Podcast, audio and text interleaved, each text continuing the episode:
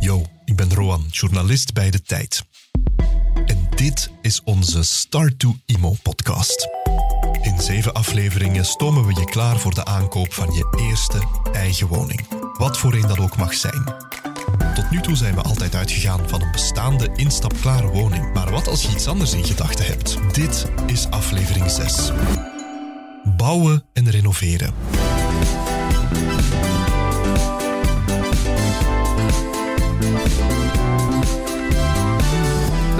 Wij voor een totaalrenovatie? Dat we eigenlijk echt de woning naar onze eigen goesting kunnen indelen en dat we echt de woning op onze maat kunnen maken. Omdat dat dan toch een beetje meer echt van u aanvoelt. Sleutel op de deur. Ik ben heel blij dat we dat gedaan hebben. Als ik nu terugkijk naar de beslissing om te kopen op basis van een plan, zou ik het afraden. De voordelen om zelf een huis te bouwen, ik kan eigenlijk echt alles zelf kiezen. Maar dat is natuurlijk ook meteen het nadeel, veel beslissingen die genomen moeten worden. Soms is het wel vermoeiend. Niet de allerleukste periode in uw leven, omdat het gewoon wel echt heel veel hard werk is. Maar ik heb het gevoel dat er veel jonge mensen zijn die zo denken van, maar ik kan dat niet, ik kan dat niet. Maar ja, ik dacht ook dat ik dat niet kon, maar ik kan het wel. Je kan er helemaal je eigen ding van maken, maar het is ook vermoeiend. Alles is splinternieuw, maar ook duur. En er komt wat stress bij kijken. Het is duidelijk, hè? Bouwen en renoveren, het heeft voor- en nadelen. Moet je er toch voor gaan of niet? En doe je het dan zelf of laat je het doen? En eens je je keuze hebt gemaakt, hoe pak je het vervolgens aan? Daar gaan we het in deze aflevering over hebben. Met Jasmin Heijvaart. Yo Jasmin, Dag Rowan. experte van de netto-redactie van De Tijd. Ik cover altijd graag eerst de absolute basics. Hè. Geen bestaande woning kopen, maar er één bouwen of renoveren. Waarom zou ik dat doen? Wel, iemand die graag iets wil dat volledig in orde is, die kan gaan voor nieuwbouw. Je hebt iets dat volledig af is, volledig nieuw. En je kan het op bepaalde punten zelf kiezen hoe de inrichting er gaat uitzien en welke materialen er gebruikt worden en zo. Maar het is natuurlijk wel duur. Dus wie niet het budget heeft om voor een nieuwbouwwoning te gaan, die kan er ook voor kiezen om iets te renoveren. Ja. Je moet daar natuurlijk wel tijd en energie voor hebben, maar doordat je zelf ook veel kan doen in het proces, kan je wel veel geld besparen natuurlijk. Heel belangrijk daarbij is wel om te weten dat sinds begin dit jaar geldt er een renovatieverplichting voor wie een woning koopt met een slechte energieprestatie. Oké, tijd, kunde, goesting, genoeg geld als je gaat bouwen, of misschien net niet genoeg waardoor je wil gaan renoveren. Of je hebt specifiek je zinnen gezet op een mooi maar oud pand. Laten we daarmee beginnen. Hè. Renoveren. En dan bedoel ik dus echt wel een verbouwing. Geen kleine opknapwerkjes zoals eh, een fris likje verf of een paar nieuwe plintjes of zo. Die Vlaamse verplichting die je net vermeldde, Jasmin, daar hebben we het in de vorige afleveringen al een paar keer kort over gehad. Maar geef me nu eens alle details. Wat moet ik weten over die verplichting? Wie een energieverslindende woning koopt, dus een woning met een EPC-label E of F, moet die verplicht binnen de vijf jaar grondig energetisch renoveren tot een woning met minstens een label D. Ja. Dus een energetische renovatie is een renovatie waarbij je specifiek maatregelen gaat nemen die je huis energievriendelijker maken. Denk maar aan dubbel glas of dakisolatie. De termijn van die vijf jaar start op de datum van het verleiden van de akte. En als na vijf jaar blijkt dat je toch niet aan die renovatie hebt voldaan, dan zal er een boete volgen tussen de 500 en de 200.000 euro. En je moet dan ook nog steeds aan die renovatieverplichting voldoen en er zal dan een nieuwe termijn worden afgesproken. Tot 200.000 euro, dat is pittig. Die verplichting, geen cadeau, denk je dan misschien, hè? Maar Petra benadrukte in aflevering 2 wel dat als je bereid bent om te renoveren, dan kan dat je lijstje van potentieel interessante woningen om te kopen ook wel een stuk langer maken. Leg dat eens wat beter uit, Jasmin. Hoezo wordt die lijst dan langer? En hoeveel langer? Mhm. Wie absoluut niet wil renoveren, wie daar geen zin in heeft, die beperkt zich heel erg. Want er zijn heel wat woningen die perfect in orde zijn, maar die wel een nieuwe keuken of een nieuwe badkamer kunnen gebruiken. En ja, als je die woningen erbij neemt, dan wordt je lijstje gewoon direct veel uitgebreider. De renovatieverplichting zal trouwens volgens experts een grote impact hebben. En voor wie een renovatieproject wil kopen, is dat goed nieuws, want die woningen die worden goedkoper. En aangezien we nu nog maar net aan het begin zijn van die nieuwe maatregelen, zullen we in de toekomst nog effecten daarvan merken. Uit cijfers blijkt dat bijna de helft van het woningbestand in Vlaanderen is geaffecteerd door de maatregel, want meer dan 40% van de woningen heeft het slechtste label E of F. Die woningen die komen nu hoe langer hoe meer op de markt, omdat ze vaak in handen zijn van oudere mensen die misschien naar een kleiner appartement willen verhuizen of die naar een rusthuis gaan. En die woningen die geraken ook moeilijker verkocht, omdat er die verplichting aanhangt. Dus die zullen waarschijnlijk iets goedkoper op de markt zijn.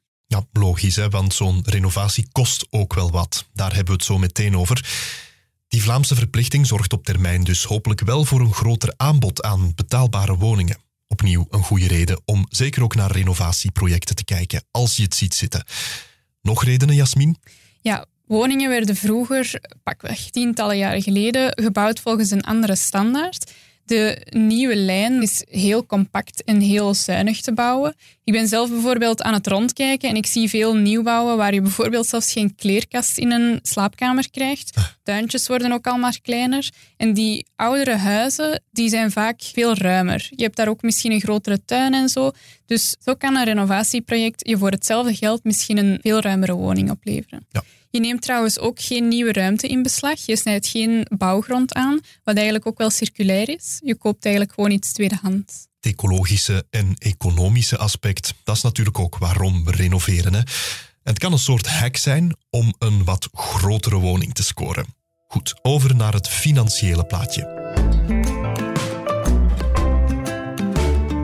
Wij financieren onze renovatie met ons eigen spaargeld. Ik heb momenteel een renovatielening afgesloten. Geen fluitje van een cent. Want je moet je bestek hebben en allemaal je offertes. Een extra lening bovenop de gewone woonlening. Wat ik wel zeker kan aanraden is de premies goed bekijken. Ik heb ook gehoord van het Energiehuis. Daar zou je blijkbaar ook langs kunnen gaan om experten te spreken over welke premies je kan aanvragen. Ook zouden die eigenlijk bij je woning langskomen om te kijken welke energetische renovaties dat je kunt doen. Het meest vermoeiende is offertes opvragen. De uren dat je daarin moet steken, dat had ik eigenlijk een beetje onderschat.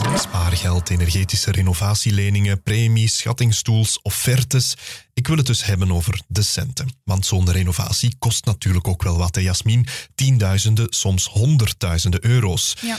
Stel ik ga dat doen, zo'n zware renovatie, leen ik dan best gewoon extra hypothecair krediet?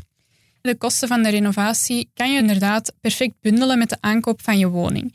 De bank zal dat dan als één hypothecaire lening afhandelen. Het grote voordeel om dat op die manier te doen is dat je de kosten van de renovatie ook over een langere looptijd kan spreiden. En dat betekent dat je ook iets meer kan lenen. Ja. Maar banken bieden ook consumentenkredieten aan, ook voor renovaties. Renovatiekredieten hebben vaak iets hogere rentevoeten dan hypothecaire leningen, maar kan je wel met een kortere looptijd nemen. Veel banken bieden ook groene renovatiekredieten aan, voor wie bijvoorbeeld een renovatie doet met minstens 50% energiebesparende maatregelen. Die groene renovatiekredieten hebben vaak een iets lagere rente dan een gewoon renovatiekrediet. Ja. Een andere mogelijkheid is ook om een renovatielening via de Vlaamse overheid aan te gaan. Dat is een goedkopere lening, maar mensen met een hoger inkomen hebben daar geen toegang toe. Goed, kijk dus of je daarvoor in aanmerking komt.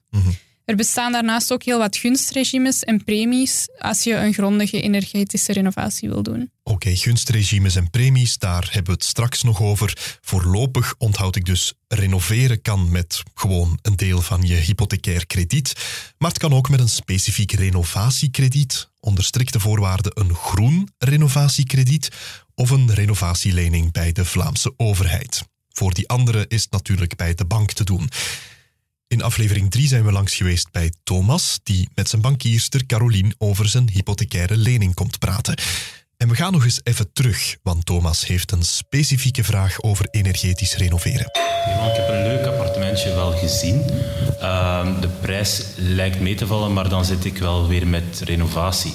Want het is een energielabel eh, E. Ja, hoe moet ik dat zien? Want eh, ik wil niet voor onaangename verrassingen komen te staan. Daar, daar is inderdaad wel eh, renovatie noodzakelijk. Kan de bank mij daarin eh, ja, begeleiden? We hebben ehm, een tool ontwikkeld waarin we eh, samen met u kunnen kijken, eh, al- ene keer als je een bepaald pand eh, gekozen hebt of wil kopen, wat het label nu is, welke renovaties nodig zijn om naar een beter label te gaan en hoeveel die ongeveer eh, kunnen kosten. Ik kijk uit naar eh, de verdere opvolging. Heel graag gedaan. Ja, Tot ziens. Dag. Thomas. Nou, gaat elke bank zo ver in het mee inschatten van de kosten van een renovatie, Jasmin? Mhm, banken doen wel hun best. Sommige banken hebben inderdaad ook een tool die je helpt inschatten bij de kosten van een renovatie en die je een indicatie geeft van het benodigde budget. Andere banken voorzien dan weer online checklists met alle aandachtspunten voor verbouwplannen. En nog een andere bank heeft bijvoorbeeld ook een website boordevol tips over energiebesparing en energiezuinig bouwen en renoveren. Oké, maar stel ik heb geen hulp van de bank, ik wil dat niet of ik wil eerst zelf eens een inschatting maken. Hoe doe ik dat dan? Hoe schat ik de kosten van zo'n grondige renovatie juist in? Allereerst, volgens experten, moet je voor een gemiddelde energetische renovatie op zo'n 50.000 euro rekenen. Dat is natuurlijk gemiddeld, dat is bij iedereen anders. Het is en blijft een pittige oefening om de exacte kosten in te schatten. Maar op het EPC-attest vind je bijvoorbeeld een raming van de kosten van bepaalde energetische renovaties. Op een voorbeeld EPC-attest zie ik hier bijvoorbeeld 46 vierkante meter van de vensters heeft dubbele beglazing. De raamprofielen zijn thermisch weinig performant. Vervang de vensters. Dat zal zo'n 37.000 euro kosten volgens het EPC-attest. Makelaars vinden dat vaak te hoog, maar volgens de overheid zelf zijn die ramingen op het EPC-attest eerder een onderschatting. Dus het is echt wel belangrijk om zelf offertes op te vragen en om elk geval apart te bekijken. Maar ja, offertes, Jasmin, we hoorden een van onze spreeksters daarnet zeggen, dat is een van de vermoeiendste dingen aan verbouwen. En die spreekster is niet alleen. Ik ben langs gegaan bij vier architecten en het is toch eigenlijk heel verbazingwekkend dat elke offerte er anders uitziet. Dus ook hier weer moet je wel wat tijd steken in te vergelijken, zodat je zeker weet dat je dezelfde vergelijkingsbasis hebt. Je hoort zo af en toe zo de stelregel van neem het bedrag van de offerte en tel daar nog eens 10% bij op aan onvoorziene kosten. En in dat geval is dat ook echt volledig uiteindelijk het extra bedrag waar we rekening mee hielden, hebben we ook moeten gebruiken. Want wanneer dat ze die vloer eruit halen, weet je niet wat er eronder zit. Het is dus niet altijd wat het lijkt. Nee. Klinkt toch als een gedoe, hè, die offertes. Die offertes, dat is inderdaad een heel werkje en heel moeilijk. Maar je kan bijvoorbeeld ook bij Fluvius beroep doen op een benovatiecoach. Dat is gratis of met een kleine toeslag. En die helpt je echt inzicht te verschaffen in je energieverbruik en alle mogelijke energiebesparingen. Helpt je ook je offertes op te vragen, begeleidt je bij de bestellingen voor de renovatie van je woning, houdt een oogje in het zeil bij de uitvoering van de werken en helpt je bij de aanvraag van je premies. Neemt dus echt heel wat administratieve taken van je over en iedere eigenaar van een Vlaamse woning kan zich registreren voor het advies van zo'n coach. Aha, merci voor de tip. En Jasmin, je had het daarnet ook over een gunstregime. Hoe zit het daarmee? Ja, wie een woning koopt, betaalt daar registratiebelasting op. Als het je eerste en enige gezinswoning is, is dat 3%, zoals collega Petra ook al zei. Maar als je je ertoe verbindt om de woning grondig energetisch te renoveren, dan krijg je een gunstig tarief en betaal je maar 1% belasting. Er zijn natuurlijk wel enkele strikte voorwaarden aan verbonden. Oké. Naast die registratiebelasting betaal je ook BTW op wat je terug heropbouwt. Normaal gezien is dat 21%, maar in het kader van een sloop- en wederopbouwproject betaal je maar 6%. Dat verlaagde BTW-tarief geldt tot einde 2023 voor heel België. Alright, dus gunsttarieven voor je registratierechten en in sommige gevallen voor je BTW bij een sloop- en heropbouw. En op beide gunstregimes staan strenge voorwaarden. Wanneer krijg je precies te maken met BTW? Daar hebben we het straks nog over. Jasmin, je vermeldde ook premies. De welke kan ik pakken als ik renoveer? Ten eerste bestaat er de EPC-labelpremie. Wie een woning met een slecht EPC grondig renoveert en energiezuiniger maakt, kan een EPC-labelpremie aanvragen. Die Vlaamse premie kan oplopen tot 5000 euro, afhankelijk van hoe energiezuinig je de woning maakt. De premie aanvragen doe je online op de website van Fluvius. En voor wie recht heeft op een sociaal tarief voor elektriciteit en aardgas, is de premie bovendien 20% hoger. Oké. Er bestaat ook de Mijn Verbouwpremie van de Vlaamse overheid. Je krijgt eigenlijk een premie per energetische renovatie die je uitvoert. Bijvoorbeeld aan je dak of aan je buitenmuur of aan je vloer, ramen en deuren, elektriciteit of sanitair. Daar bestaan verschillende premies voor. Dus ik noteer de EPC-labelpremie en mijn verbouwpremie van de Vlaamse overheid. Goed, Jasmin, we hebben het gehad over de Vlaamse renovatieplicht, over goede redenen om een te renoveren huis te kopen, over het financiële plaatje. Wat moet ik nog weten als ik ga renoveren? Het is ook wel belangrijk om te weten dat er sinds eind vorig jaar een asbestattest aanwezig moet zijn bij de verkoop van een woning die ouder is dan 2001. Als je wil renoveren en er zit asbest in je woning, dan kan dat wel een impact hebben op de kostprijs van de renovatie. Je zal immers de asbest niet zelf mogen verwijderen, maar zal dit door specialisten moeten laten doen. Daarnaast kan het ook zijn dat je historisch erfgoed hebt gekocht. Je mag daar niet zomaar alle renovatiewerken aan uitvoeren die je zelf wil. Je moet bijvoorbeeld ook maar 1% registratierechten betalen op de aankoopsom van een woning die beschermd is. En er bestaan ook manieren om financiële ondersteuning te krijgen van de Vlaamse overheid, bijvoorbeeld een erfgoedpremie of een erfgoedlening. En beschermd erfgoed. Belangrijk dus. Oké, tot nu toe hebben we het dus gehad over renoveren. Maar dat is maar de helft van de titel van deze aflevering. Hè? Tijd om de andere helft te coveren. In plaats van een bestaand huis helemaal op te knappen, kan ik ook echt gewoon from the ground up een huis bouwen of laten bouwen. En er zijn verschillende manieren om dat te doen. Ja, er zijn eigenlijk twee opties. Je kan ofwel een woning op plan kopen, of een andere naam daarvoor is sleutel op de deur. En dat houdt eigenlijk in dat je een nieuwbouwwoning koopt zonder dat die er al staat. Je hebt die woning dus nog niet in het echt gezien, maar alleen op plannen.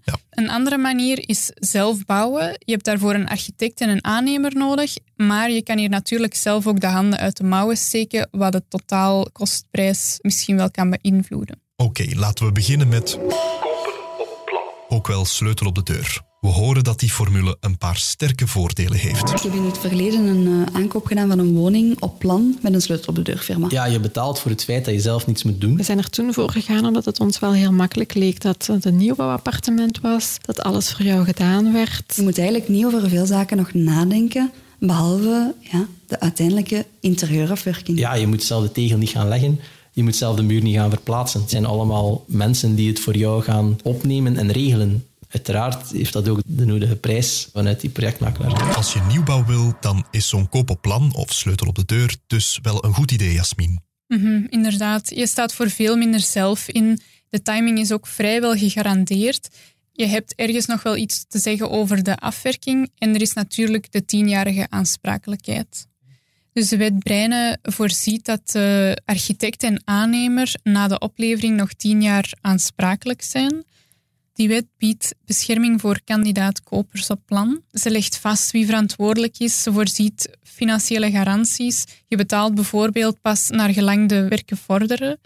Maar weet wel dat de wet Breinen niet geldt als een bouwheer afzonderlijke contracten afsluit met verschillende aannemers voor de bouw van een woning of de werken laat uitvoeren in een pand dat hij al in eigendom heeft. Dat zijn details die je dus wel moet nakijken voor je tekent voor een koopoplan. Maar als alles goed zit, ben je dus ook goed beschermd. Ja. Al zijn er ook nadelen, of toch op zijn minst risico's verbonden aan die formule. Het nadeel van een sleutel op de deur is dat er een kostenraming wordt gemaakt op basis van echt het meest basispakket. Ja, op het moment dat je vasthangt aan een project, dan heb je één partij. Daar ga je de keuken gaan kiezen en vind je daar je ding niet, ja, dan is dat een beetje pech. Je gaat toch daar je keuze moeten gaan maken. En op het moment dat het vast ligt, wordt het zo uitgevoerd. En elk zaakje dat je nog wilt aanpassen later omdat je een fout hebt gemaakt, daar betaal je duur voor. De meerprijs die wordt aangerekend voor gewoon een extra gat in de muur te maken en een kabel 10 centimeter verder door te trekken, die zijn echt verbazingwekkend. Ik zou nooit meer voor een sleutel op de deur kiezen. Ten eerste omdat je niet weet hoe dat alles gebouwd wordt, of het kwalitatieve materialen zijn. Ten tweede omdat je ook niet altijd weet waar dat je op het einde van de rit qua kosten uitkomt. En mankementen die in de bouw aanwezig zijn. Het is er eigenlijk ook toe geleid dat wij niet alle facturen hebben betaald omdat er zoveel niet in orde was. Als ik nu terugkijk, zou ik het afraden. Je moet soms echt de firma wijzen op hun eigen fouten. Een muur die scheef gebouwd is en ze zouden het niet gezien hebben. Heel veel van die fouten proberen ze dan te verdoezelen. Oef, hier uh, hebben we ook wel wat gehoord, hè Jasmin? Ja, inderdaad. In het plan dat je kocht zitten vaak de standaardmaterialen en de standaardafwerking in. Bijvoorbeeld in de keuken en in de badkamer. Je kan hier natuurlijk nog andere keuzes in maken.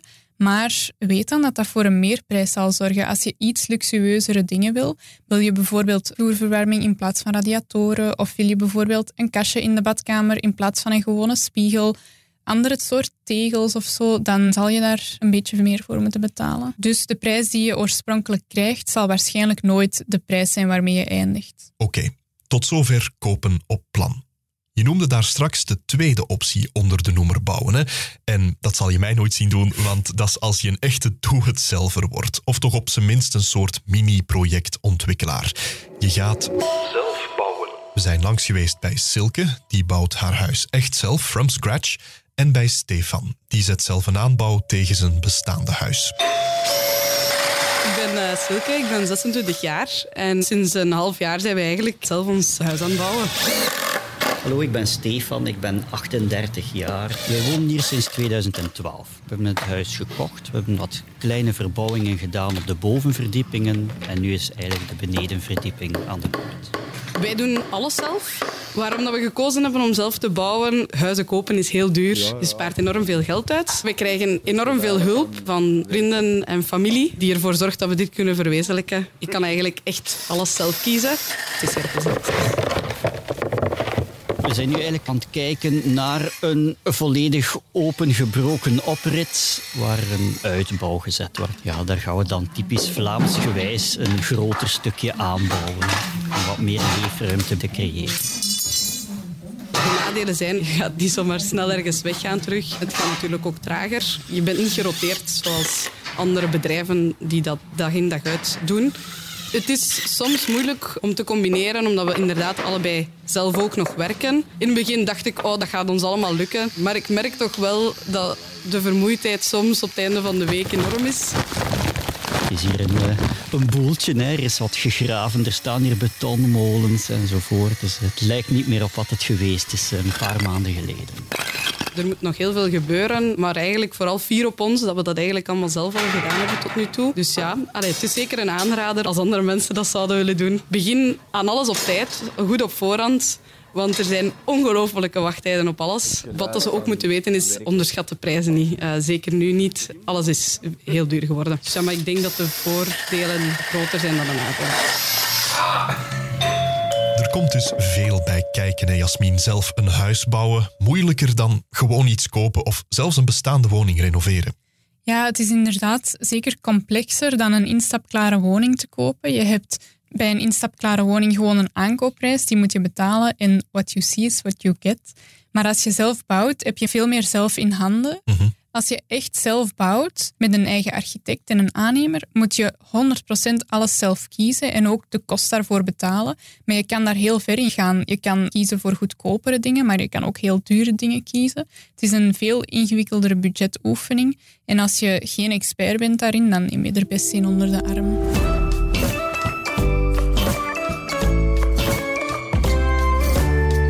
Een eigen architect is natuurlijk wel een must.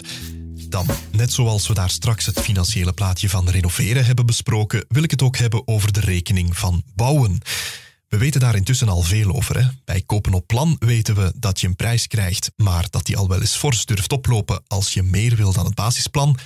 En bij zelfbouwen weten we dat je mits wat inspanningen goedkoper kan gaan, maar dat het op het einde van de rit toch allicht de duurst mogelijke formule is. Wat de bankenkant hier betreft, Jasmin, een nieuwbouw, zelfgebouwd of op plan, neem ik daarvoor ook gewoon een hypothecaire lening of is daar iets speciaals voor? Nee, je neemt daar inderdaad ook gewoon een hypothecaire lening voor. Al zal dat wel een beetje anders lopen dan wanneer je een bestaande woning koopt. Want als je een bestaande woning koopt, dan betaal je het bedrag in één keer. Maar als je een nieuwbouw koopt, dan betaal je in stukjes, naar gelang de werken vorderen. Dus de bank zal dan facturen betalen, bijvoorbeeld van de architect, van de aannemer. Zijn de funderingswerken bijvoorbeeld afgerond, dan zal de bank de factuur van de funderingswerken betalen. Ja. Wel nog iets om rekening mee te houden. Als je bijvoorbeeld een woning op plan koopt, moet je al op voorhand beginnen betalen. Maar je moet natuurlijk ook al ergens wonen, terwijl je nog niet in die nieuwe woning kan wonen. Hoe los je dat dan best op? Je kan ten eerste wachten met een woonkrediet aan te gaan. En omdat je in stukjes moet betalen, kan je in het begin bijvoorbeeld aanspraak maken op je spaarcentjes, op je eigen middelen. Of je kan al een woonkrediet aangaan en de eerste periode enkel rente afbetalen en nog geen kapitaalaflossingen doen, zodat het bedrag iets kleiner is. Dat is dus niet vanzelfsprekend. Nee, lijkt me inderdaad spannend. En dan Jasmin, als ik mijn lening en al mijn premies op zak heb, moet ik ook nog langs de notaris om registratierechten te betalen. Maar Petra zei in aflevering 2 dat dat bij nieuwbouw wel een beetje anders is. Ja, je betaalt altijd op het gronddeel van je woning registratiebelasting. Dus koop je nu op plan of bouw je zelf, dan betaal je op het gronddeel registratiebelasting en op het gebouw betaal je BTW. De registratiebelasting betaal je altijd via de notaris, maar de BTW betaal je op de werken en gaat dus naar de aannemer en niet naar de notaris. Registratierechten op het gronddeel, BTW op het gebouw zelf. Er zijn wel een paar zeldzame uitzonderingen, maar dat is dus de regel. Goed, ik weet nu alles over de verschillende formules, de voor- en nadelen, de valkuilen en over het financiële plaatje. Is er nog iets belangrijk om te weten als ik ga bouwen of renoveren, Jasmin? Belangrijk om te weten is dat je natuurlijk niet zomaar in de wilde weg kan bouwen of renoveren. Er gelden vaak stedenbouwkundige regels, bijvoorbeeld maximale hoogtes waarop je mag bouwen, of of je met een puntig dak of met een platdak moet werken. Je hebt voor sommige zaken een stedenbouwkundige vergunning of omgevingsvergunning nodig. Daarnaast mag je natuurlijk binnenin ook niet zomaar steunmuren beginnen afbreken. Dat zou heel gevaarlijk zijn. Je moet dat dus goed bekijken met je architect. Voor zij die nog dachten dat ze het zonder architect zouden kunnen. Dankjewel, Jasmin Heijvaart. Graag gedaan, Rowan. Kunnen wij het maken? Nou en of. Bouwen en renoveren. Even herhalen. Veel redenen om te renoveren in plaats van een instapklare woning kopen. Er is meer keuze en als je je inspant is het misschien ook goedkoper. In Vlaanderen geldt een renovatieplicht. Als je een woning koopt met EPC-label E of F, dan moet je die binnen de vijf jaar renoveren. Je renovatie kost wel wat. Je kan ze financieren met een deel van je gewone hypothecaire krediet, maar soms ook met een speciaal renovatiekrediet.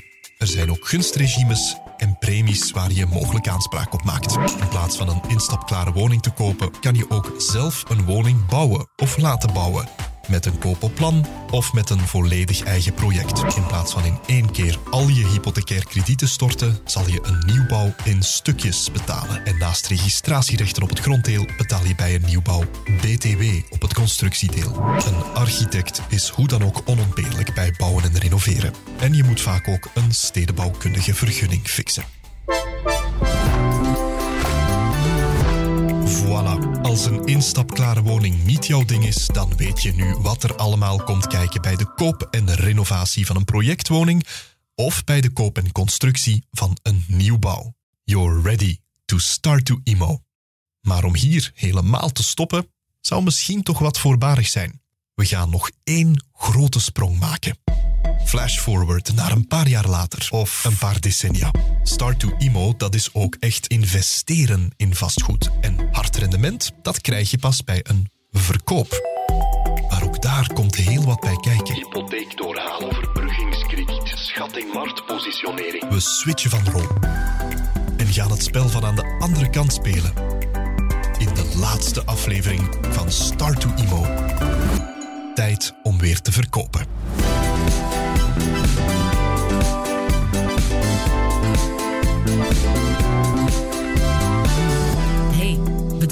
Te luisteren naar deze Start to Immo podcast van de tijd. Fijn om je erbij te hebben. Abonneer je gerust op dit kanaal en een rating geven, dat helpt ons ook erg vooruit. Probeer ook eens onze andere podcasts, zoals Start to Invest, met mij, Ellen Vermorgen. Luisteren kan waar je je podcasts ook haalt. En check zeker tijd.be netto.